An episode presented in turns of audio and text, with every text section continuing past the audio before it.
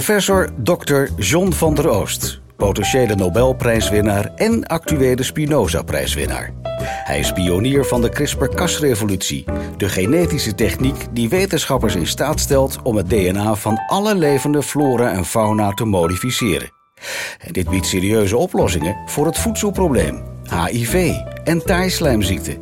Maar genetische manipulatie, hoe gevaarlijk is dat? En wat vindt Greenpeace hier wel niet van? Hij ziet de evolutie voor zich afspelen, zo vertelt hij. Maar hoe verhoudt John van der Oost zich dan tot de Bijbel en Darwin? Na een wat ingewikkelde start van het interview, want het is natuurlijk ook een ingewikkeld verhaal, vertelt hij zijn hele verhaal daarna als een snel lezend spannend jongensboek. Professor Dr. John van der Oost in Nu is Later. Dit is de Praatkast.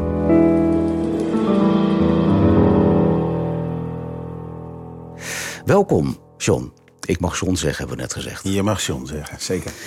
Um, de Spinoza-premie is, is de hoogste Nederlandse onderscheiding in de wetenschap. En uh, de premie wordt jaarlijks uitgereikt door de Nederlandse Organisatie voor Wetenschappelijk Onderzoek. aan Nederlandse onderzoekers die tot de internationale top van de wetenschap behoren. Hoe trots ben jij?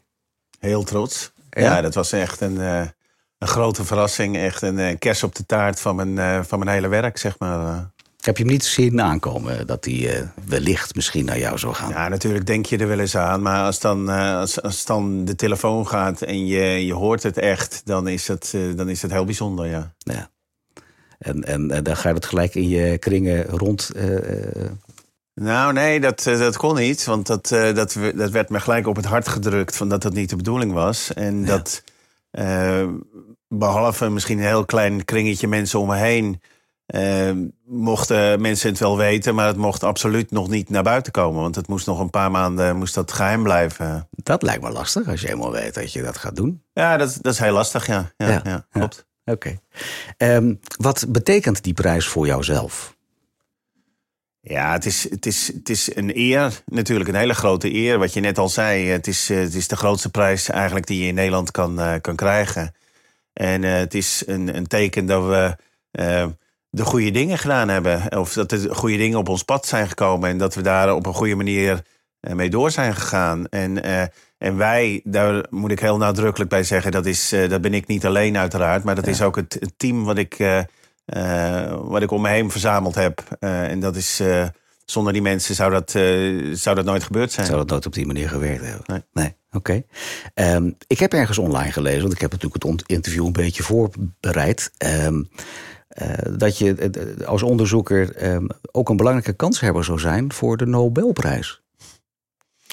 Ja, nou, dat, dat, dat zeggen ze vaker. Nou, ik, la, laat ik zo zeggen dat, dat, het, dat het de kans heel erg groot is dat die Nobelprijs een keer gaat vallen voor het CRISPR-werk. De ja. grote vraag is alleen wie gaat hem krijgen. En, en er zijn wel, ik, ik kan zo een lijst van, van tien mensen noemen die in principe kandidaat daarvoor zijn. En daar, uh, ik denk dat ik zelf inderdaad ook op die lijst sta. Uh, maar of, de, of dat inderdaad gaat, uh, gaat gebeuren, dat hangt van heel veel dingen af. En dat, dat hebben we zeker niet in eigen hand. Dus nee. dat, we zullen het zien. Ik probeer er zo weinig mogelijk aan te denken, want dan... Dat leidt alleen maar af. Ja, daar word je niet vrolijk van, volgens nee. mij, als je daar heel erg mee bezig bent. Oké. Okay. Um, als, als je daaraan denkt dat, dat dat ooit een keer zou kunnen gebeuren, eh, heb je dan ook het idee dat dat de echte kers op de taart zou zijn? Ja, het, kijk, dat is natuurlijk het, het hoogst haalbare in de, in, in de wetenschap. Uh, of, dat, of dat het. Ja, of dat de echte kers zou zijn, dat, dat, dat weet ik niet. Misschien wel. Maar ik, ik, ik, ik vind de kers van Spinoza vind ik eigenlijk al zo mooi. Dat ja. als het niet gaat gebeuren, en die kans is heel groot, dat, dat, uh, dat het helemaal goed is. Oké. Okay. Um, je hebt ook, ook eens een keer gezegd van, van dat um, het hele CRISPR-onderzoek het bewijs is voor het nut van nutteloos onderzoek. Kun je daar wat over vertellen hoe jij nou, dat precies ja, kijk, als, als, je, als je op een verjaardag aan het vertellen bent van, van wat je nou uh, aan het doen bent... en je zegt dan van uh, bijvoorbeeld over, over CRISPR, daar, daar zijn we mee begonnen. Omdat het... Uh, nou ja, er, er, waren, er waren ideeën dat het misschien wel eens een, een, een afweersysteem van bacteriën zou kunnen zijn tegen, tegen virussen. Nou, als je dat vertelt op een verjaardag, dan denken ze van, nou, lekker belangrijk. Uh, wil je nog een biertje? Ja. dus dat, dat, is, dat is niet echt. of, of, of, veel, veel mensen vinden dat hele fundamentele onderzoek, dat, dat, dat, dat vinden ze eigenlijk nutteloos, weet je wel. Maar maar waarom ik dit gezegd heb op een gegeven moment, is, is dat dit een geweldig voorbeeld is van, van het belang van, van dat fundamentele onderzoek of van het nutteloze onderzoek. Namelijk dat, uh, dat het enorm nuttig kan zijn en dat je dat in heel veel gevallen niet aan ziet komen. En dat is ook zo met het, met het CRISPR-onderzoek. Pas toen we, toen we eigenlijk doorkregen hoe het allemaal werkte. En, en wat dat betreft is dat verhaal waar je net naar refereerde uit uit 2008, wat we toen gepubliceerd hebben. Toen begonnen we een beetje door te krijgen van hoe het werkte. En toen begonnen we langzaam ook eigenlijk in te zien van, van dat dit misschien wel hele mooie toepassingen kon, kon hebben. In eerste instantie dachten we toen aan het, uh, aan het beschermen van bacteriën tegen bepaalde virussen. En dan kan je denken aan bijvoorbeeld de zuivelindustrie, waar dat, waar dat echt een, een groot probleem kan zijn. Dus als, daar hebben ze ook uh, te maken maar met dat was niet jullie, uh, jullie, jullie basisidee om daarmee te gaan starten. Het was echt helemaal fundamenteel onderzoek. Ja, we wilden weten hoe het werkte. En, uh, Want, want er werd toen voorgesteld dat het een, een zogenaamd adaptief immuunsysteem was. En dat betekent dat, dat, het, dat, dat er een soort memory in zit, een soort herinnering ja. in het systeem. En dat bleek ook zo te zijn. dus het is eigenlijk een beetje vergelijkbaar met, met eigenlijk het archief op een politiebureau. Waar, waar eigenlijk een, dat is eigenlijk een databestand van, van waar, waarin dus eigenschappen van, van, van inbrekers of van, ja. van criminelen zit. Nou, zo heeft een bacterie eigenlijk ook op zijn eigen DNA een, een, een bestand, een archief. En dat zijn dan de CRISPR's. en daar worden dus stukjes virus-DNA in opgeslagen. En dat is dus eigenlijk een hele, hele mooie manier om, om te onthouden wat de boosdoeners zijn van zo'n bacterie. En dat toen, toen ik, ik, ik kan me nog wel herinneren, toen ik dit voor het eerst op, op bijeenkomsten vertelde, dat mensen me aan zaten te kijken, die geloofden het niet, van, van dat bacteriën tot zoiets in staat waren. En, ja. dus het is, het is, het is sowieso is het, is het mechanistisch is het een fantastisch mooi systeem. Daar ging het ons om, om dat, dat op te helderen. En, te, en later pas zijn die, uh, zijn die ideeën ontstaan om dit uh, toe te gaan passen. Ook omdat we met, uh, met, met mensen praten. bijvoorbeeld uit het, nou ja, die met, met, met humane ziektes te maken hadden. Dat, dat is voor ons iets, dat, dat is niet, niet iets wat we dagelijks tegenkomen. Dus daar, daar dachten we ook niet dagelijks aan. Maar toen we op een gegeven moment aan die mensen aan het uitleggen waren van hoe dat allemaal werkte. Toen, toen, uh, en wat jullie toen, toen waren er mensen die, die, die zeiden van nou, daar kan je misschien wel veel meer mee. Ja. Dat was niet het idee wat je als eerste had eigenlijk ermee dus. Nee. Um, en je vertelt dat je eigenlijk een onderzoek gestart bent. Um, kun je me vertellen hoe zoiets dan in zijn werk gaat? In de zin, wie financiert dat? Wie, wie, wie, ja. wie zegt nou leuk John, doe maar?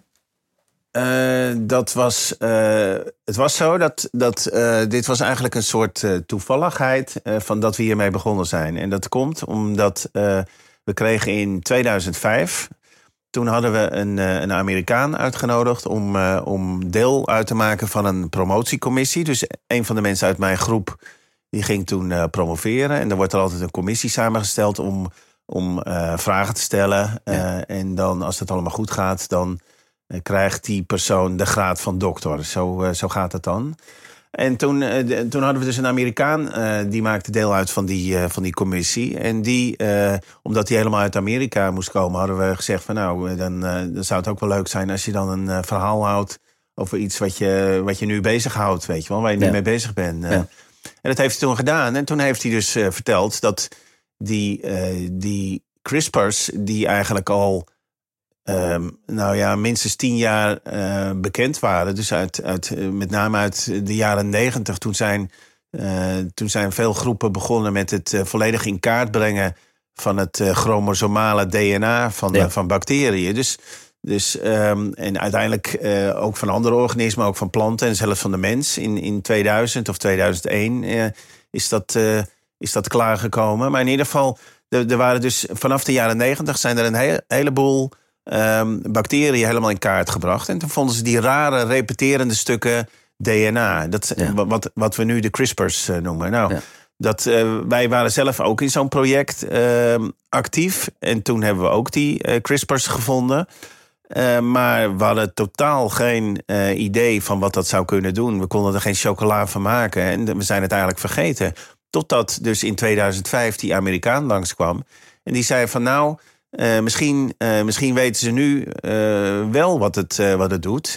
Namelijk, eh, want tussen de repeterende stukjes, die altijd hetzelfde zijn... eh, zaten stukjes eh, die altijd anders zijn. Dus dat zijn de variabele stukken, ook wel de spacers genoemd. Dus dat zijn de spacers tussen de repeats in. En die spacers, die, die bleken in veel gevallen bleken dat ehm, DNA-sequenties te zijn. Dus stukjes DNA die, die, die overeenkwamen met stukjes van virussen. En toen werd eigenlijk de hypothese eh, voorgesteld van... nou, misschien hebben we wel te maken met een nieuw afweersysteem. En toen ik dat hoorde, toen had ik zoiets van... ja, dat is wel, dat is wel heel interessant. Eh, en het mooie was dat ik, dat ik net ehm, een half jaar daarvoor... had ik een grote beurs van, van de NWO. Dus de, eh, de Nederlandse Organisatie voor Wetenschappelijk Onderzoek... die, die, ehm, die dit soort dingen financiert. Ik had dus een hele grote eh, beurs gekregen, een Fici-beurs eh, van de NWO... En eh, dat betekende dat ik dat, ik, dat ik meer dan een miljoen euro had. Dus Ja. daar, daar had ik, om die beurs te krijgen, had ik wel een plan ingediend. En dat was dus ook weer beoordeeld. En dat was, uiteindelijk was ik dus geselecteerd om, om dat te gaan doen. Maar toen, eh, toen ik dat van het CRISPR eh, hoorde, toen had ik zoiets van nou, ik... eh, ik reserveer een gedeelte van het geld wat ik gekregen heb, dat reserveer ik om dat te gaan doen. En dat heb ik uiteindelijk, eigenlijk is dat dus niet de bedoeling, maar ik heb dat wel in een eindverslag, heb ik dat nog, heb ik NWO daarvoor bedankt, eigenlijk voor die vrijheid. Want ik denk dat, dat juist die vrijheid die, die je krijgt door zo'n grote beurs, die kan je heel goed gebruiken om in Om te spelen soort- op de actualiteit. Ja, Eh, ja. En in dit geval konden we dus inspelen op dat, eh, nou ja, op dat opkomende idee van dat dat CRISPR-systeem misschien een nieuw afweersysteem was. Dus toen zijn we er ook echt aan begonnen. Toen Ja. had ik eh, in eerste instantie een, een postdoc, dus die al gepromoveerd was. Die, eh, die kon ik, eh, of eh, samen hebben we eigenlijk overlegd van is dit een goed idee? En dat, eh, nou, daar waren we heel snel uit van dit, dit was wel een heel goed idee. En toen hebben we ook verder een, een jongen die we al kenden, een Wageningse student. Die, die was toen stage aan het doen in, in Seattle in Amerika. En toen hebben we die een e-mail gestuurd van nou, wat ben je van plan als je klaar bent? Want die, Ja. die, die zat tegen zijn afstuderen aan. En die konden we toen eigenlijk ook heel snel konden we die overtuigen dat dit wel eh, heel spannend was. En, en die hebben we toen dus al vrij snel in 2006 aangesteld als, eh, als promovendus bij ons in de groep. Dan heb je een En, met z'n tweeën zijn ze, zijn ze daaraan begonnen. Later zijn er nog twee mensen bijgekomen. En dat is eigenlijk het, eh, het CRISPR Dream Team eh, geweest. eh, zoals ik dat noem. Team. Ja. En die, eh, die hebben het dus echt eh, mogelijk gemaakt dat we eh, toen uit zijn gaan zoeken hoe dat systeem werkt. En toen hebben we eh, niet alleen de moleculaire basis opgehelderd van het, eh, van het CRISPR-systeem, maar eigenlijk ook de, de basis gelegd voor de toepassingen. En dat hadden we toen nog niet zo door, Nee. omdat we daar eigenlijk nog helemaal niet mee bezig waren. Maar in de, in de jaren daarna eh, zijn we nog dieper gaan graven en kwamen we nog meer details zijn we te weten gekomen. En eh, toen, beetje bij beetje, kwamen we er ook achter van ja, hier kunnen we nog veel meer mee. Leuk. Eigenlijk allemaal het gevolg van nutteloos onderzoek. Ja, precies. Want dat was ja. eh, de Ja. vraag. Ben je nu ook nog met nutteloos onderzoek bezig? Ja, heel veel nutteloos onderzoek. Daar komen misschien ook nog hele leuke dingen aan. Ja, nou zeker, want eh, de, eh, we, zijn, we zijn ook. eh, de diversiteit van dat CRISPR-systeem is enorm. Eh, en, eh, en dus eh, de, iedere keer worden er nog nieuwe varianten ontdekt. En we zijn dus met een aantal van, de- van die varianten. Mag, mag, mag iedereen dit nu toepassen? Iedereen mag dit toepassen voor, eh, voor wetenschappelijk onderzoek. Dus eh, je kan het nu toepassen om. Ja, maar even eh, voor mijn beeldvorming. Jij vindt dat uit, zeg maar. Om het even heel plat te mogen slaan. Mag dan elke organisatie in de wereld jouw onderzoek gebruiken om daar weer verder onderzoek naar te mogen doen? Nou, wat we wel gedaan hebben, we hebben het op een gegeven moment hadden we wel een idee van hoe we dit konden toepassen. Dat hebben we gepatenteerd. Dat wel, oké. Dat, dat hebben we gedaan. En, eh, maar toen op een gegeven moment, er zijn dus... maar jij zegt een klein stukje daarvan. Het is dus niet, het hele CRISPR is niet in bezit van van John nee, van. Nee, nee, eigenlijk... Uh, is, zijn, dat, is dat achteraf gezien jammer? Ja, dat is, natuurlijk is dat, is dat achteraf gezien jammer. Maar ik, denk, ik denk op zich dat we toen wel de goede beslissing hebben genomen... door ons te beperken tot een deel. Eigenlijk zijn er twee klasses van, van CRISPR-enzymen. Kun je dat heel, heel simpel uitleggen? Wat, wat het... Nou ja, dat, wat, ik, wat ik zei, er is een hele grote diversiteit. Dus eigenlijk in de evolutie zijn, zijn, zijn op een gegeven moment zijn er twee systemen ontstaan. En waarom zijn er nou zoveel afweersystemen? Dat is eigenlijk omdat het is één grote oorlog in de, uh, in de natuur, in de biologie. Dus het is één grote... Continu uh, doorgaand. Ja, een continue wapenwedloop is het eigenlijk tussen, tussen die afweersystemen, wat, wat het CRISPR-systeem eigenlijk is, en, en de virussen die net als ons eigen griepvirus heel snel veranderen uh, op, op DNA-niveau. En HIV ook. Uh, en, en, en die uh, zorgen er dus voor dat soms dat CRISPR-systeem niet meer werkt. Dus dan moet, moet er weer een aanpassing komen. En dat gebeurt ook. Uh, maar soms zijn de veranderingen zo groot. Of onlangs zijn er zelfs zeg maar kleine eiwitjes van virussen ontdekt. Dat zijn dan de anti-CRISPR-eiwitjes.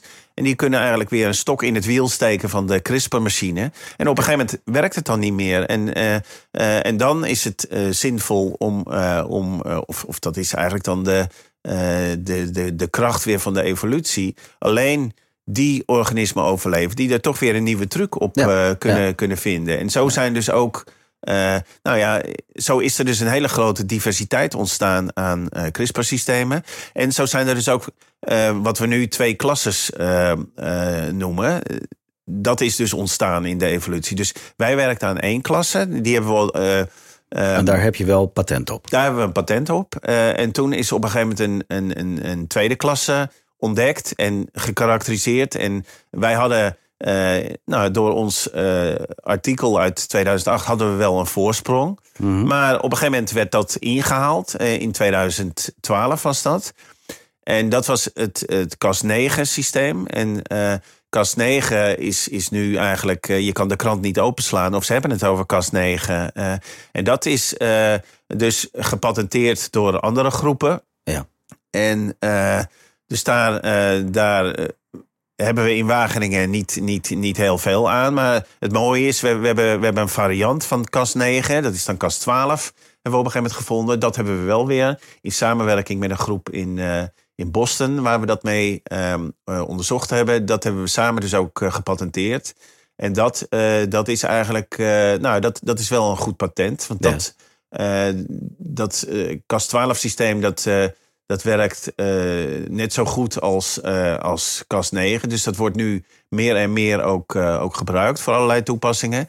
En, dat, en, en zo gauw er bedrijven zijn die, die dit gaan, gaan gebruiken... Gaan dan moeten ze dus een licentie nemen ja. op dat patent. En, dat, en nou, daar moeten ze geld ten voor, goede voor, van de universiteit dan? Of, Sorry, wat zei je? En dat komt ten goede van de universiteit. Ja, dat, dat komt naar de, de, de universiteit, is, is eigenaar van het patent. Ja. Dus daar, daar gaat het geld naartoe. Ja. En jij krijgt geen loonsverhoging daarvoor. Ik heb wel wat loonsverhoging gekregen. Iets loonsverhoging, ja. Maar er zit een heel ander ding uh, aan het CRISPR-Cas uh, aan vast. Want we kunnen natuurlijk heel veel ermee. Ik zeg maar, ik, ik snap daar maar de helft van. Maar het gaat erom dat je eigenlijk een... een uh, de biotechnologie gaat daar heel veel een rol in spelen. Denk aan milieu, klimaat, gezondheid, economie. dus het kan heel ver gaan de komende jaren. Ja, klopt. Um, allereerste vraag, wat mag nu wel en wat mag niet? Want je zit wel met bepaalde regelgeving dat we niet allemaal DNA mogen aanpassen. Kun je dat ja, heel, nou, heel, dat heel de, kort uh, uitleggen hoe dat nou werkt? Dat is de zogenaamde GMO-regelgeving. Dus GMO staat voor genetisch gemodificeerde uh, organismen. Ja. Genetically Modified Organisms, GMO. Uh, en daar zijn uh, inderdaad uh, daar zijn regels voor van wat mag wel en wat mag niet. En wanneer noemen we iets GMO en wanneer, wanneer niet. En daar. Ehm, eigenlijk is er een, een, besluit geweest van het Europese Hof van Justitie in 2018. dus anderhalf jaar geleden was dat. en die hebben gezegd van ja, alles wat je, wat je aanpast met CRISPR, dus op DNA-gebied, dat noemen we GMO. En wat betekent dat dan? Ja, dat, even goed kan je het dan nog wel als je dat in een plant zou doen, bijvoorbeeld, dan kan je het even goed nog naar de markt brengen. Maar dan moet je eerst laten zien dat het, dat het, dat het veilig is. en dat betekent dat je in het geval van planten moet je daar, nou, dat, dat, dat duurt sowieso wat langer voordat je dat allemaal voor elkaar hebt. en dan moet je dat, dan moet dat allemaal getest worden met proefdieren. Dat het dat het, uh, dat het allemaal dat 100% niet, veilig is. dood aangaan, zeg maar. maar zijn er al, de, de, al onderzoeken bekend waarbij er wel degelijk dan uh, negatieve eigenschappen zaten aan die modificatie? Nee, dat is, dat is op zich het mooie. maar ook het. het dus eigenlijk tot nu toe is er niets bekend dat er echt genetisch iets gemanipuleerd is. Nee. Waarvan je zegt van ja, dat heeft inderdaad aan de natuur schade gebracht. Nee. Of er zijn dingen niet goed gegaan. 0,0. en eigenlijk is die hele discussie is al ontstaan in de jaren jaren 70 van de vorige eeuw. Want toen, toen zijn eigenlijk de eerste systemen, eigenlijk eh, zeg maar de voorlopers van, uh, van CRISPR, zijn ontwikkeld. En dat, uh, dat op die manier kon ook al, of, of, is het ook al gelukt om op DNA-niveau veranderingen door te voeren. En, en toen is er een, een brede discussie ontstaan, eigenlijk vanuit de de wetenschappelijke wereld. Dus, dus vanuit de wetenschappers, die hebben gezegd van nou, laten we heel voorzichtig zijn. Toen is er zelfs een, een, een zogenaamd moratorium uh, uh, ingesteld. Dus de, dat, dat alles eigenlijk stopgezet werd totdat het goed getest werd. Um, of, of het inderdaad geen kwaad kon. Nou, dat is op een gegeven moment is dat beetje bij beetje is dat losgelaten. Uh, omdat bleek dat er, dat er helemaal niks aan de hand is. En, uh, maar dan zeg je eigenlijk dat, dat er heel veel politieke ophef is. Waar wetenschappelijk geen enkele grond voor is. Ja, dat klopt. Uh, dat, dat is een goede, goede samenvatting. Uh, en, uh, en dus ook met dat CRISPR-systeem en ook met dat besluit ehm, wat nu genomen is door het Europese Hof van Justitie, ja. dat is niet gebaseerd op wetenschappelijke feiten.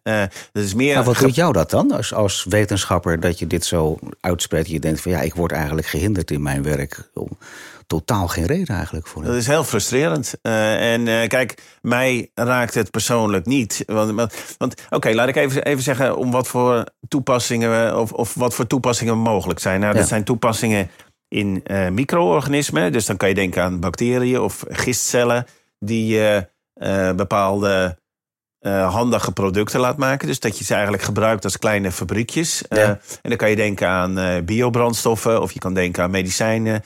En eigenlijk kan je denken aan alles. Uh, alles wat we maar uh, theoretisch kunnen maken, dat zal op een gegeven moment op deze manier ook gemaakt worden. Dus dit is eigenlijk het, het einde van de, van de chemische industrie.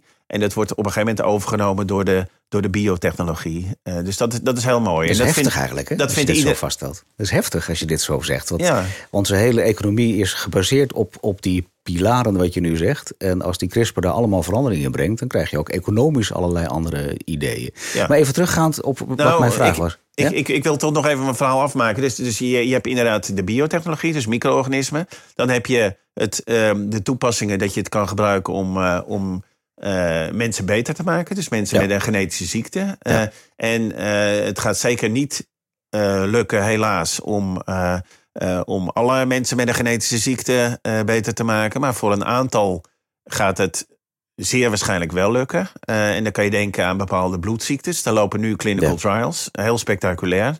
En dan de derde toepassing, um, dat is uh, de, de, toepassing in planten. Dus eigenlijk de plantenbiotechnologie. Uh, en daarvan hebben ze dus nu eigenlijk door die uitspraak van het Europese Hof uh, is, uh, zijn ze vol op de rem gaan staan. En, uh, en dat is met name dus in, in Europa. Want er zijn heel veel landen over de hele wereld waar dat dus dat zou anders gezien zijn. wordt. Ja, als je, en dan China gaat kijken of India, wat, wat, ja, wat gebeurt nou, daar? Ook, ook de Verenigde Staten, Canada, Zuid-Amerika. India weet ik niet precies hoe het daar zit, maar daar, daar zit het wel ja. uh, ook eraan te komen. Net, net, als in China. In Rusland hebben ze ook gezegd: het is, uh, het is geen probleem. In Japan hebben ze dat gezegd. In Australië loopt het allemaal nog. In, in Afrika zijn ook grote discussies. Maar eigenlijk is er geen één plek in de wereld waar ze zo, uh, zo duidelijk zijn geweest van, van dat, dat we dit, of dat we hier heel voorzichtig mee moeten zijn, als in Europa. En, en dat, je had het net over economische effecten. Nou, dit, dit gaat dus. Dit heeft een. Dit gaat heel veel, heel veel geld kosten. Dit Eigenlijk. gaat heel veel geld kosten. En, en kijk, ik zeg niet dat die hele GMO-richtlijnen dat dat slecht is. Ik denk dat je GMO-richtlijnen moet gebruiken als het gaat om grotere veranderingen. Dus als je echt eh, genen, bijvoorbeeld uit bacteriën, gaat introduceren in planten. Nou, oké, helemaal goed. Dan moet je dat heel goed testen of dat inderdaad allemaal veilig is. En als, als wij dat gaan eten, of als, als, als, als dieren dat gaan eten, of dat, eh, of dat geen problemen oplevert. Helemaal goed. Maar als het gaat om hele kleine veranderingen, en dat, eh, dan kan je dus eh, bijvoorbeeld het, het, het introduceren van een puntmutatie. Dus een puntmutatie. Dat Wat is een puntmutatie? ja, dat is. Kijk, kijk het, DNA is opgebouwd uit allerlei bouwstenen. GATC, dat zijn de vier Ja. verschillende eh, bouwstenen. Eh, bijvoorbeeld mensen hebben, hebben 3 miljard van die, van die letters. Ja. Eh, dat is, ons, dat, dat, dat is eigenlijk opgeslagen op onze chromosomen. Nou, in, in sommige gevallen, als één van die letters, dus één van de 3 miljard, als daar een foutje, eigenlijk een kopieerfoutje, is zit, opgetreden ja. bij het, bij het eh, ehm, eh, verdubbelen van cellen of bij het, eh, bij het Bij delen, eh, ja. doorgeven van het genetisch materiaal, dus het DNA van de ene generatie naar de andere. Nou, dan zijn er wel eens kopieerfoutjes. En als je pech hebt, dan zit dat op een belangrijke plek. En dan heb je dus een genetische ziekte. Nou, dat soort kleine veranderingen, dat, dat kunnen we nu ook eigenlijk naadloos repareren met. Eh, met CRISPR. Eh, maar verder ook eh, kan je denken aan, aan het uitschakelen van genen. En het mooie voorbeeld vind ik altijd dat je, als, als we het hebben over planten en als we het hebben over belangrijke toepassingen, dan kan je denken aan het uitschakelen van een soort controlegen in een plant, waardoor eigenlijk de, de wortelgroei niet eh, geremd wordt. Eh, dus dat betekent dat die wortel langer door blijft groeien. Ja. En dat kan een super toepassing zijn als je die planten wil gaan gebruiken, bijvoorbeeld in Afrika, waar er heel weinig water is. Ja, of op plekken op deze om- planeet waar het nu nog wel. eh, nu nog wel kan, maar door de klimaatverandering over 10 of 20 jaar misschien niet meer, weet je wel. Ja. En dan zijn dit hele kleine aanpassingen op het DNA. En die in de natuur in feite ook voorkomen. Dus het zijn, Mhm. het, het- je kan zelfs niet het verschil maken tussen of, of het nou met CRISPR gemaakt is of dat het eh, een natuurlijke variant is. Nou, in dat soort gevallen vind ik, dan moet je niet die GMO-richtlijnen handhaven. Dan moet je gewoon zeggen van nou, eh, dit, eh, dit is eh, zo dicht bij een natuurlijke variatie. Daar moeten we niet ingewikkeld over doen. Eh, Nee, dat is wel- totaal niet gevaarlijk. En, en wat ik al zei, sinds de jaren zeventig zijn er heel veel eh, veranderingen doorgevoerd op, eh, op DNA-niveau. En er is nog geen enkel voorbeeld eh, wat, eh, wat, eh, waaruit zou blijken Maar dat dit gevaarlijk dan, is. Wat zijn dan de argumenten van de tegenstanders? Heb je daar wel eens gesprekken mee met mensen die daar tegen zijn? Zoveel mogelijk heb ik daar gesprekken mee. En wat je iedere keer eigenlijk, eigenlijk hoort, is dat, het, dat we het niet zeker weten. En, maar ik, ik denk eigenlijk dat het belangrijkste argument van, van, de, tegenstander, van de tegenstanders is. Dat, eh, ze komen altijd met Monsanto op de proppen. Monsanto Ja. is een, eh, een plantenbiotechnologiebedrijf uit de Verenigde Staten. En die hebben in de jaren tachtig hebben ze op een gegeven moment een, eh, een variatie in een plant gemaakt. En dat betekende dan dat die, die plant kon groeien in de aanwezigheid van bepaalde ehm, eh, pesticiden. Dus, dus om, om eh, ehm, eh, bepaalde onkruid eh, te eh, bestrijden of, of wat dan ook. En, maar dat pesticiden, dat is een, een, chemische verbinding, die werd ook door datzelfde bedrijf, door, het, door Monsanto, wordt dat, eh, werd dat eh, geproduceerd. Dus eigenlijk hadden die op die manier een monopoliepositie om, eh, om dat te doen. En dat, dat vind ik zelf ook eigenlijk een hele verkeerde manier van, van, van zaken doen. En daar ben ik het dus in feite helemaal eens met de mensen van Greenpeace of de Friends of the Earth of ja. wat dan ook. maar eigenlijk als je. eigenlijk is het punt dat ze, dat ze op een gegeven moment hebben ze besloten van. Eh, van we zijn tegen eh, genetische modificatie. Omdat dit waarschijnlijk alleen in het belang is eh, voor, voor die bedrijven die dat, die Die dat dat gaan uitvoeren. eh, toepassen. Ja. Wat we eigenlijk zouden moeten doen, is, is eigenlijk met die mensen om de tafel gaan en, en proberen te bedenken van nou, wat vinden we nou, wat, wat is ons doel? En ons doel, en dat is zowel van de mensen van Greenpeace en dat soort organisaties, maar ook van de voorstanders van, van dit soort technologieën, is om ervoor te zorgen dat we ook over 50 jaar voldoende gezond en lekker voedsel kunnen produceren. Voor iedereen op deze, op deze aarde. En dat is eh, eigenlijk een gemeenschappelijk belang waar je eigenlijk zegt. Dat is het gemeenschappelijk belang. Dus het doel is hetzelfde. En, en, en wij hebben echt nou ja, hele sterke argumenten om te laten zien van dat, het, dat het niet schadelijk is. Dat, dat het helemaal geen kwaad kan.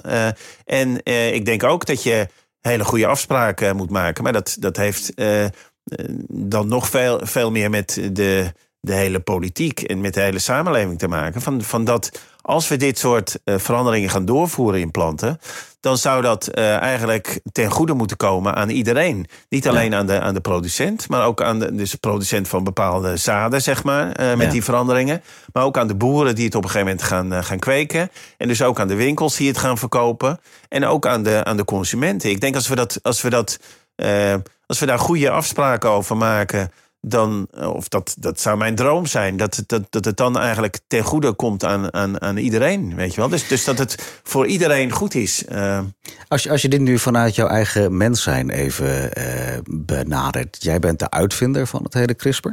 Um, je bent daar min of meer verantwoordelijk voor ook. Dus ook voor alle toepassingen. Uh, een beetje, beetje, beetje zweverig. Maar um, als je die verantwoordelijkheid doortrekt, hoe, hoe kijk je daar als John tegenaan? Gewoon als mens van al die ontwikkelingen die je nu eigenlijk ziet. Nou, nou zeker. Als, als, je, als je het hebt over verantwoordelijkheid, die verantwoordelijkheid voel ik ook. En, en daarom ga ik altijd in op, op dit soort uitnodigingen om, om uh, op dit uh, podium uh, mee te praten. Maar ook, ook naar science cafés of, of naar. Ik ben uitgenodigd door de door het Parkinson eh, Café in, in, uh, in Purmerend. Daar ga ik volgend jaar heen.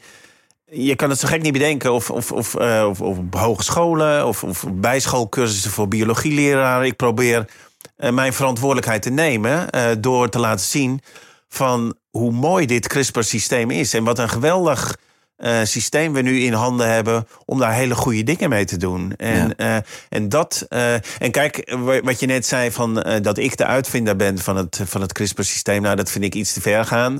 ik zei net al in ja, het begin van, van er, zijn, er zijn een heleboel mensen die hier hele belangrijke dingen gedaan hebben. Maar ik ben inderdaad een van de mensen. En, en daarom.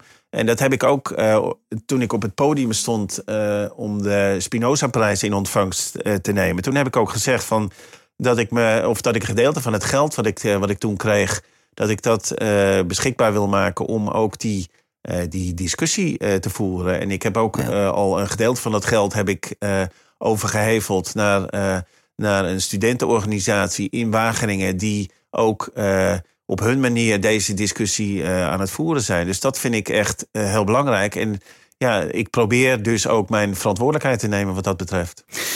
Welke zaken zijn verder voor jou belangrijk als mens in jouw werk? Hoe bedoel je dat? Jij gaat elke dag sta je op en ga je jouw ding doen. En dat zegt ook iets over wie John is.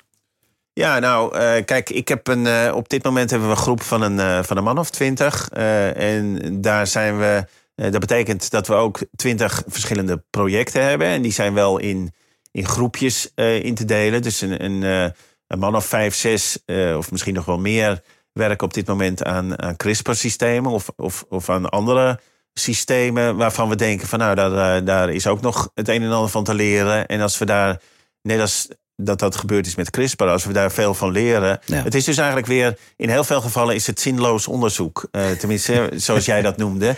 Het is, uh, eigenlijk is dat hey, Dat waren je eigen woorden. Nutteloos onderzoek. Nutteloos onderzoek. Nutteloos onderzoek was het. Um, tenminste, ja, dat, dat, dat is dus eigenlijk, uh, dat, dat, dat heb ik zo gezegd, omdat het door heel veel mensen zo gezien wordt. Ik vind dat zelf natuurlijk, ik vind dat fundamentele onderzoek, dat is juist wat ik, waar, waarom ik eigenlijk op deze manier de knuppel in het hoenderhok heb gegooid. Van, van ik vind het helemaal niet nutteloos of zinloos. Uh, ik denk dat dat fundamentele onderzoek juist heel belangrijk is. Uh, en dat, dat is dus wat er, wat er in mijn groep gebeurt. dus, dus heel veel verschillende uh, onderzoekslijnen hebben we, hebben we lopen. En dat is wat mij drijft. Het is, het is eigenlijk nieuwsgierigheidsgedreven. Ik wil weten hoe het zit. En, uh, en, en misschien we proberen, en dat is denk ik ook wel typisch voor, uh, voor, voor Wageningen, dat we al heel snel proberen te denken van, van kunnen we er ook wat mee? En wat zijn jouw drijfveren daarin? Dat is altijd een beetje een standaardvraag hierin. Is dat salaris, status, inhoud, invloed? Uit die nee, mag je zeker niet, je mag ook een beetje bij salaris, uh, om, om, om die even gelijk maar de kop in te drukken. Uh, je had in het als, bedrijfsleven als, veel meer kunnen verdienen, denk precies, ik. Als, ja. als, als, als dat de drijfveer was geweest... dan had ik, had ik niet op een universiteit moeten gaan, gaan werken. Nee. Wat mij... ik, ik, ik, ik vind het... nog steeds elke dag een feest om, om naar mijn werk te gaan. en, en daar met, met jonge, gedreven studenten of onderzoekers eigenlijk een bepaalde wetenschappelijke vragen op te lossen. En dat is wat mij drijft. En, uh, en uh, ook, ook met colleges, uh, als, je, als je dan ziet dat, dat de vonk overslaat en dat ze, dat, ze, dat ze ook komen vragen van nou, ik, ik wil ook een stage bij je komen doen. En ja. kijk, dat, dat is echt super leuk om, om te zien. Dat, dat, dat, ja, dat het enthousiasme wat ik zelf heb, dat je dat, dat, je dat dus ook om je heen uh, ziet opkomen. En, ik zie ook een beetje glimmen nu. Dus het, het, je bent wel een beetje mensenmens ook echt, hè?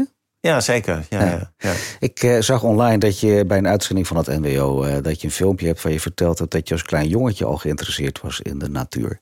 Ben je nog steeds een klein jongetje? Oh ja, ik, ik ben... nou ja, ik, ja ik, ik, ik voel me nog steeds en uh, nou, een klein jongetje weet ik niet, maar, maar een jaar of dertig. Dat, uh, als ik niet in de spiegel kijk, dan denk ik van nou, dat, ik ben nog steeds een jaar of dertig. En ik, uh, dus, dus ik heb nog steeds wel die, dat enthousiasme en, en soms die, die, um, nou ja, die, die, die ideeën om, om, om, om gekke dingen te gaan doen. En dat, dat is. Ja, wat wilde je worden als kind? Ja, dat is, dat is een goede vraag. Dat, uh, dat, uh, toen, ik, uh, toen, ik, toen ik echt een klein jongetje was, toen wilde ik boer worden. Ja. Later is dat, toen ze bij ons de straat aan het vervangen waren, toen wilde ik stratenmaker worden. Mm en, en uiteindelijk heb ik gekozen voor, voor biologie, omdat ik een geweldige biologieleraar had op de middelbare school. En toen ik, toen ik op een gegeven moment hoorde van hoe hoe dat allemaal werkt in een cel, hoe het DNA um, kan vermeerderen en hoe eiwitten uh, gemaakt worden op basis van de informatie die opgeslagen is in het DNA.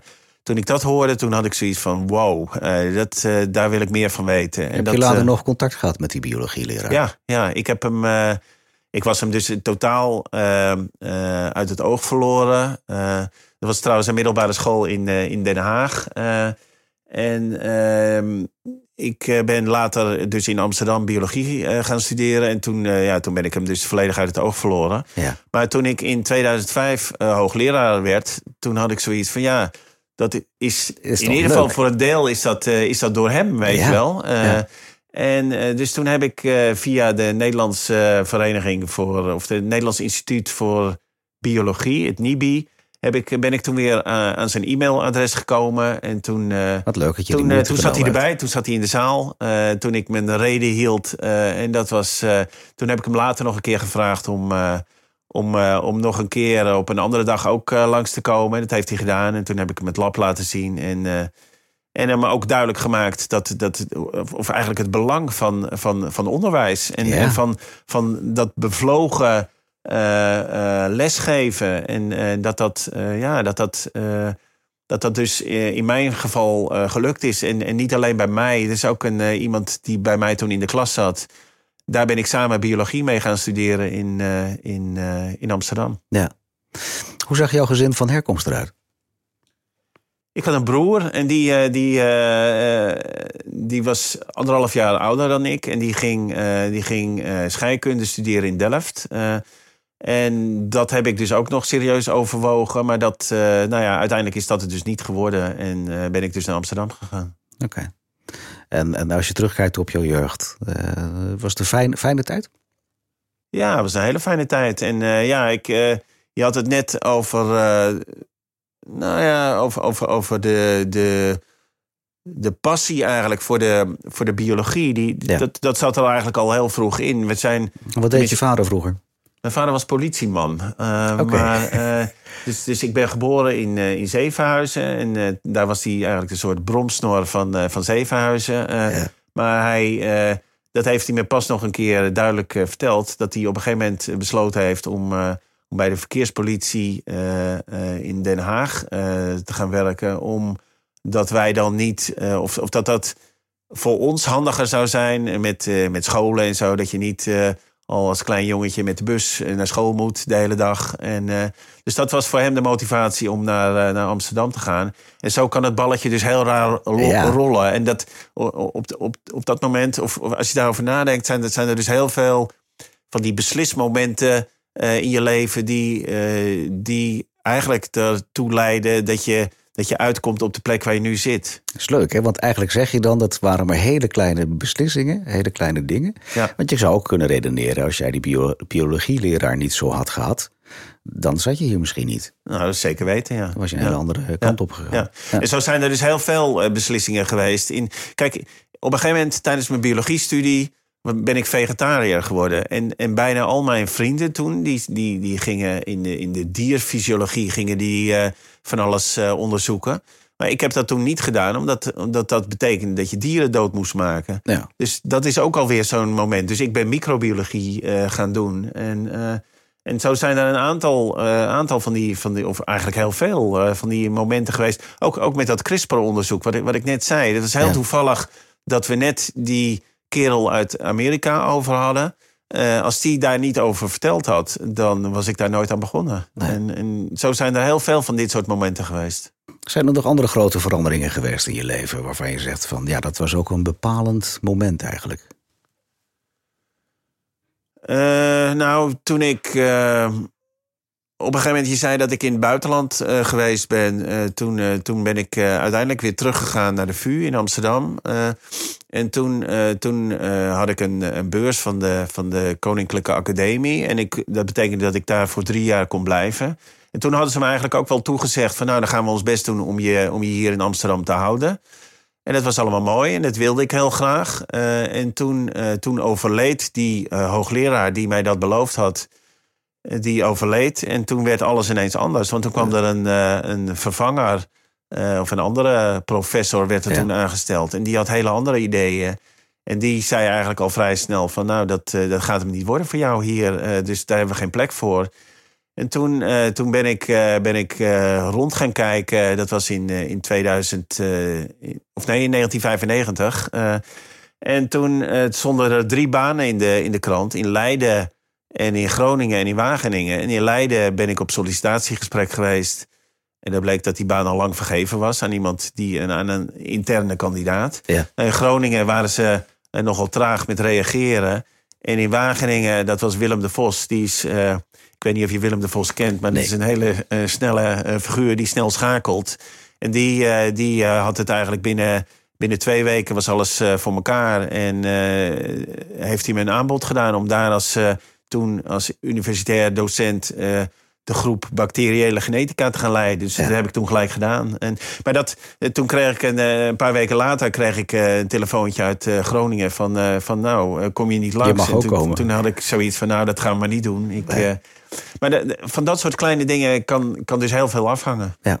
Hele kleine, kleine keuzes die hele grote gevolgen hebben. Klopt. Zijn er ook keuzes geweest in je leven waar je achteraf gezien spijt van hebt? Nou, dan moet ik heel diep nadenken. Uh, je mag ook gewoon nee zeggen hoor. Dus nou ja, ik, ik, kan zo gauw niks bedenken. Of, of in ieder geval geen, uh, geen dramatische dingen zijn er, uh, zijn, er, zijn er veranderd. En ik denk als ik terugkijk, ben ik, ben ik eigenlijk heel gelukkig hoe het balletje gerold is. En, en wat een geluk ik ook gehad heb daarmee. en, en kijk, soms moet je. soms heb je het in de hand dat je, dat je zelf dingen bepaalt. En soms heb je het helemaal niet in de hand. Dus het is ja, het is, uh, in veel gevallen is het uh, toeval hoe het, hoe het balletje rolt. Toeval? Heb je zelf een religieuze overtuiging? Een levensovertuiging? Nee, ik heb uh, tenminste, ik, ik ben gedoopt in Zevenhuizen. En ik, ik, ik, ik heb op een, een, een kleuterschool gezeten waar dat, dat, dat, zat eigenlijk, dat waren, was eigenlijk een gebouwtje wat tegen de kerk aan zat. Daarna heb ik op scholen gezeten, eigenlijk op openbare scholen. Dus die, die, die, waar, je daar weinig van, van hoorde. Maar toen ging ik naar de VU. en dat, eigenlijk, eigenlijk koos ik voor de VU is een heel stom verhaal. Eigenlijk moet ik dit helemaal niet vertellen. maar ik, nou, omdat, het, uh, omdat het de Vrije Zet Universiteit even stil, maakt niet uit. Ja? Het is de Vrije Universiteit. Ja. Um, dus ik dacht van... Uh, nou, ik wist dat er, uh, dat er een, een van de twee universiteiten in Amsterdam... dat die nogal vrij was. meer op sociaal gebied. Ja. En, maar vrij, daar kwam ik dus vrij snel achter. Dat had ermee te maken dat ze, dat ze onafhankelijk waren... in principe van de, van de staat. En dat ze, dat ze veel geld kregen van de gereformeerde kerk. Ja. Nou, dat was niet waarom ik voor de vuur gekozen had. Maar ik, eh, nou ja, het, het, het beviel me daar eigenlijk wel heel goed. Uh, en dat heeft me ook wel aan het denken gezet. Van, uh, en dat, is, dat is op zich dan nog een aardige anekdote als daar nog tijd voor is. ik, ik lifte in die tijd elke, elke, elk weekend nog naar Den Haag. Ja. En op een gegeven moment kreeg ik een, een lift. Uh, van, een, uh, van een echtpaar. Dus nou, dan, dan, dan, dan raakten we aan de praat. En uh, ze, ze vertelde op een gegeven moment van dat ze op weg waren naar een, naar een verjaardag. En dat ze die, ehm, de jarige, die kreeg van hun een nieuwe vertaling van het, van het, van het Oude, Oude Testament. Testament en um, dus ze, ze, lieten dat boek zien. Ik zei van, oh ja, leuk. Ik zat daar op de achterbank een beetje in te bladeren. En van, ja, leuk. En toen, uh, toen zei ze van, uh, na een tijdje van... nou ja, het is nou jammer, want dit, uh, we, hadden, we hadden tien van die boeken hadden we, hadden we gekocht. En, en, dit is de laatste. En die gaan we nu dus weggeven. Anders had je hem gekregen. Ik zei van, oh ja, ja jammer. Ja, jammer.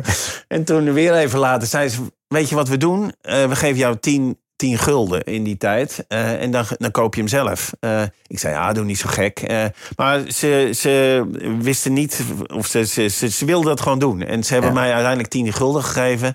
En toen ik op maandag weer op de vuur kwam, toen ben ik de vuurboekhandel ingestapt. En toen daar lagen hoge stapels natuurlijk van die boeken. En daar heb ik er eentje van gepakt. En en toen heb ik daar een stukje in zitten lezen de weken daarna. En toen, uh, dat was voor mij eigenlijk de doorslag van, ja, hier kan ik niks mee. En ik, uh, ik denk, nou, nu gaat hij komen, maar je kan er niks mee. Nee, ik kan er helemaal niks mee. En uh, kijk, ik vind het helemaal goed als mensen daar wel wat mee kunnen. En als het heel, ik, ik kan me ook voorstellen dat het heel belangrijk is voor een heleboel mensen.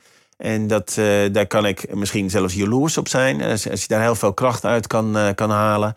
Maar ik, ik geloof daar gewoon niet in. en dus ik, ik geloof echt in de in de, in de biologie en uh, in de. Ja, uh, de dingen die je voor je neus ziet. Ja, dat, dat is een en, beetje en, wat en, je, in de evolutie en hoe dat ja. allemaal gegaan is. En natuurlijk Mag zijn ik nou zeggen dat je een echte Darwin-aanhanger bent? Ja, zeker. Ja, nou, Darwin is mijn maar grote dat komt er heel spontaan uit, dat is ook echt zo. Ja, ik heb een, een, een, een, foto op mijn kamer hangen in Wageningen, op mijn kamer uh, van Darwin. Maar daar heb ik inmiddels wel een, een sticker opgeplakt van We Love GMO.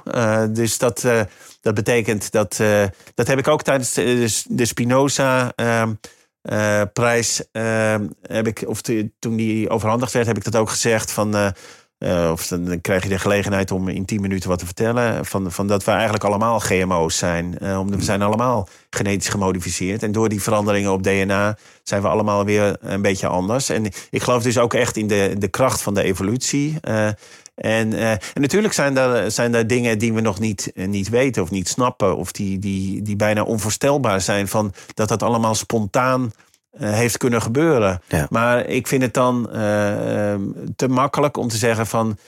van, van nou ja, dan is er één, één God die, die, dat, die dat, die dat gedaan heeft ja, dan kan, je, dan kan je natuurlijk alles verklaren. En dat, dat is in die zin is dat. De term intelligent design, is dat ook een term die voor jou geen indruk maakt? Nee, totaal niet. Dat is niet je raakt ook niet over in conflict met collega's die dat misschien wel vinden?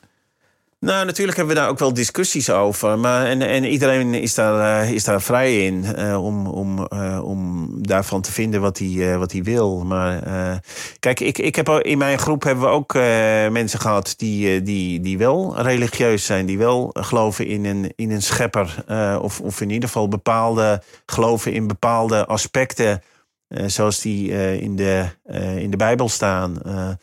En dat, daar hebben we dan discussies over. Of, of tenminste, ik, als, als, als dat zich voordoet. Het is niet zo dat, dat, het, dat bij mijn selectieprocedure, als ik iemand aanneem dat ik dat dan vraag. Dat, dat, dat, vind, dat vind ik eigenlijk niet belangrijk. Het zou belangrijk worden als het als het het onderzoek in de weg zou zitten. Maar kijk, het, het, het kan niet zo zijn dat mensen bij mij werken en niet in evolutie uh, geloven. Want je ziet het gewoon gebeuren. Wat ik, wat ik... Het is niet een geloof, het is iets wat je, wat je daadwerkelijk concreet ziet. Je ziet het gebeuren. We, we, we, kunnen een experiment doen uh, en dan zie je de evolutie. Dus, dus met het CRISPR-systeem kan een bacterie resistent worden tegen een virus. Dus dan kan het, het virus niet meer uh, die cel binnendringen, niet meer die cel overnemen, niet, niet meer die cel uh, kapot maken.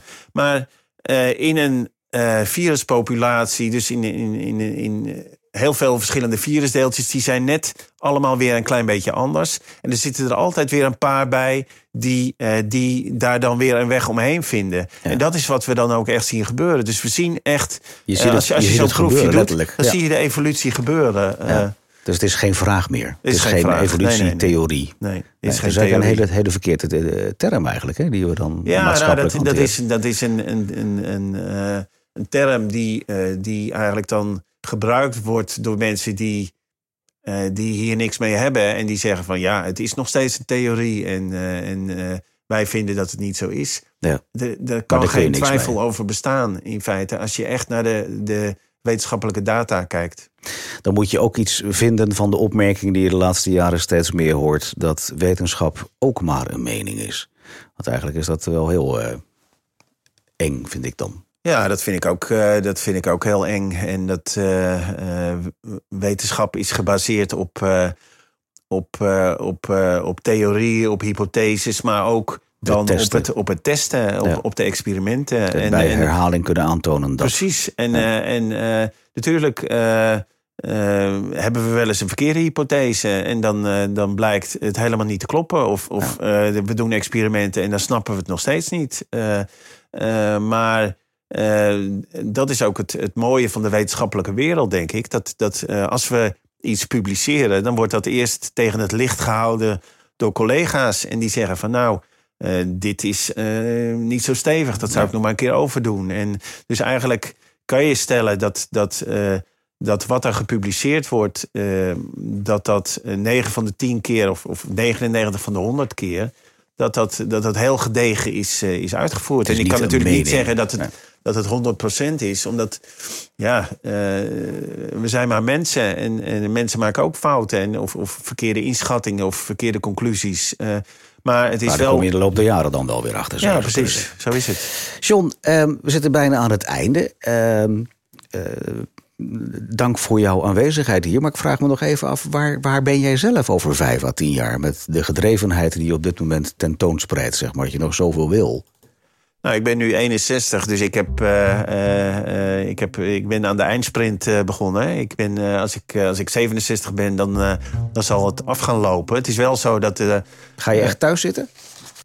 Nou, misschien. Ik denk dat het, dat het niet zo is dat, dat gelijk op de dag dat ik 67 word... dat dan de stekker eruit gaat... En dat ik nooit meer in Wageningen kom. Ik, het is, dat zie je ook om je heen gebeuren bij collega's dat, uh, dat er uh, uh, projecten die lopen dan nog, die zijn dan nog niet uh, in fase, zeg maar, dat, dat die dan ook gelijk stoppen. Ja. Dus dat betekent dat er nog mensen aan het werk zijn die, waarvan ik begeleider ben. Dus ik zal daar dan misschien één of twee dagen in de week in, in het begin en dan later misschien nog weer wat minder. zal ik daar nog regelmatig zijn om, om dat netjes af te bouwen. En als daar... Maar je gaat geen echte grote dingen meer doen dat je naar Japan gaat... omdat je daar meer mag dan dat je hier in Wageningen mag? Nee, dat heb ik... Uh, dat denk ik niet. Ik, uh, ik heb inderdaad... Oh, je sluit het niet uit? Nou ja, ik sluit niks uit. Maar ik, uh, ik, ik, ik, ik, ik denk het eigenlijk niet. En ik, ik denk ook dat er, dat er naast de, de wetenschap... ook nog hele leuke dingen te doen zijn. En dan... Hmm dan zal ik meer tijd hebben om, uh, om gewoon echt weer de natuur in te gaan en, en uh, naar vogels te kijken of, of, of wat dan ook. Of, uh... Je bent zo'n vogelaar die ik hier op de dijk vaak zie, zeg maar. Nou, ik ben zo'n vogelaar die je niet zo vaak op de dijk ziet. Maar ik, ik, ik ga wel een paar keer. Of ik, ik loop. We, we hebben tegenwoordig een hond, uh, Charlie, naar Charles Darwin uh, vernoemd. uh, en Charlie die zorgt ervoor dat we, dat we veel vaker dan voorheen weer het bos ingaan. En dat we ook plekken ontdekken hier in de buurt van Wageningen die fantastisch mooi zijn. En uh, uh, dus ik, ik kijk daar al wel naar uit, moet ik eerlijk zeggen, van, om, om daar meer tijd voor te hebben. En, ja. en verder ook een van mijn hobby's, die ik of, ja, al vanaf een klein jongetje, maar ook, ook tijdens, met name tijdens ons verblijf in Heidelberg. Want dan heb je veel meer vrije tijd. Omdat je veel meer eigenlijk, uh, of veel verder weg van, van familie en vrienden ja. zit. Uh, toen zijn we heel erg bezig geweest met tekenen en schilderen. dus mijn vrouw en ik. En dat heb ik met de jongens, dus onze, onze kinderen, heb ik dat ook nog wel gedaan. Maar veel te, veel te weinig naar mijn zin. En dus dat, dan weer een beetje in, inhalen. Dat, zou, dat daar, zou ik eigenlijk. Als je daar de gelegenheid voor krijgt, dan zou je dat doen. Dat zou ik zeker gaan doen. Ja, ja. oké, okay, super. Dankjewel voor je aanwezigheid bij de Praatkast. Graag gedaan. Voor, vandaag. Dankjewel voor het luisteren naar Nu is Later van de Praatkast. En graag tot de volgende keer.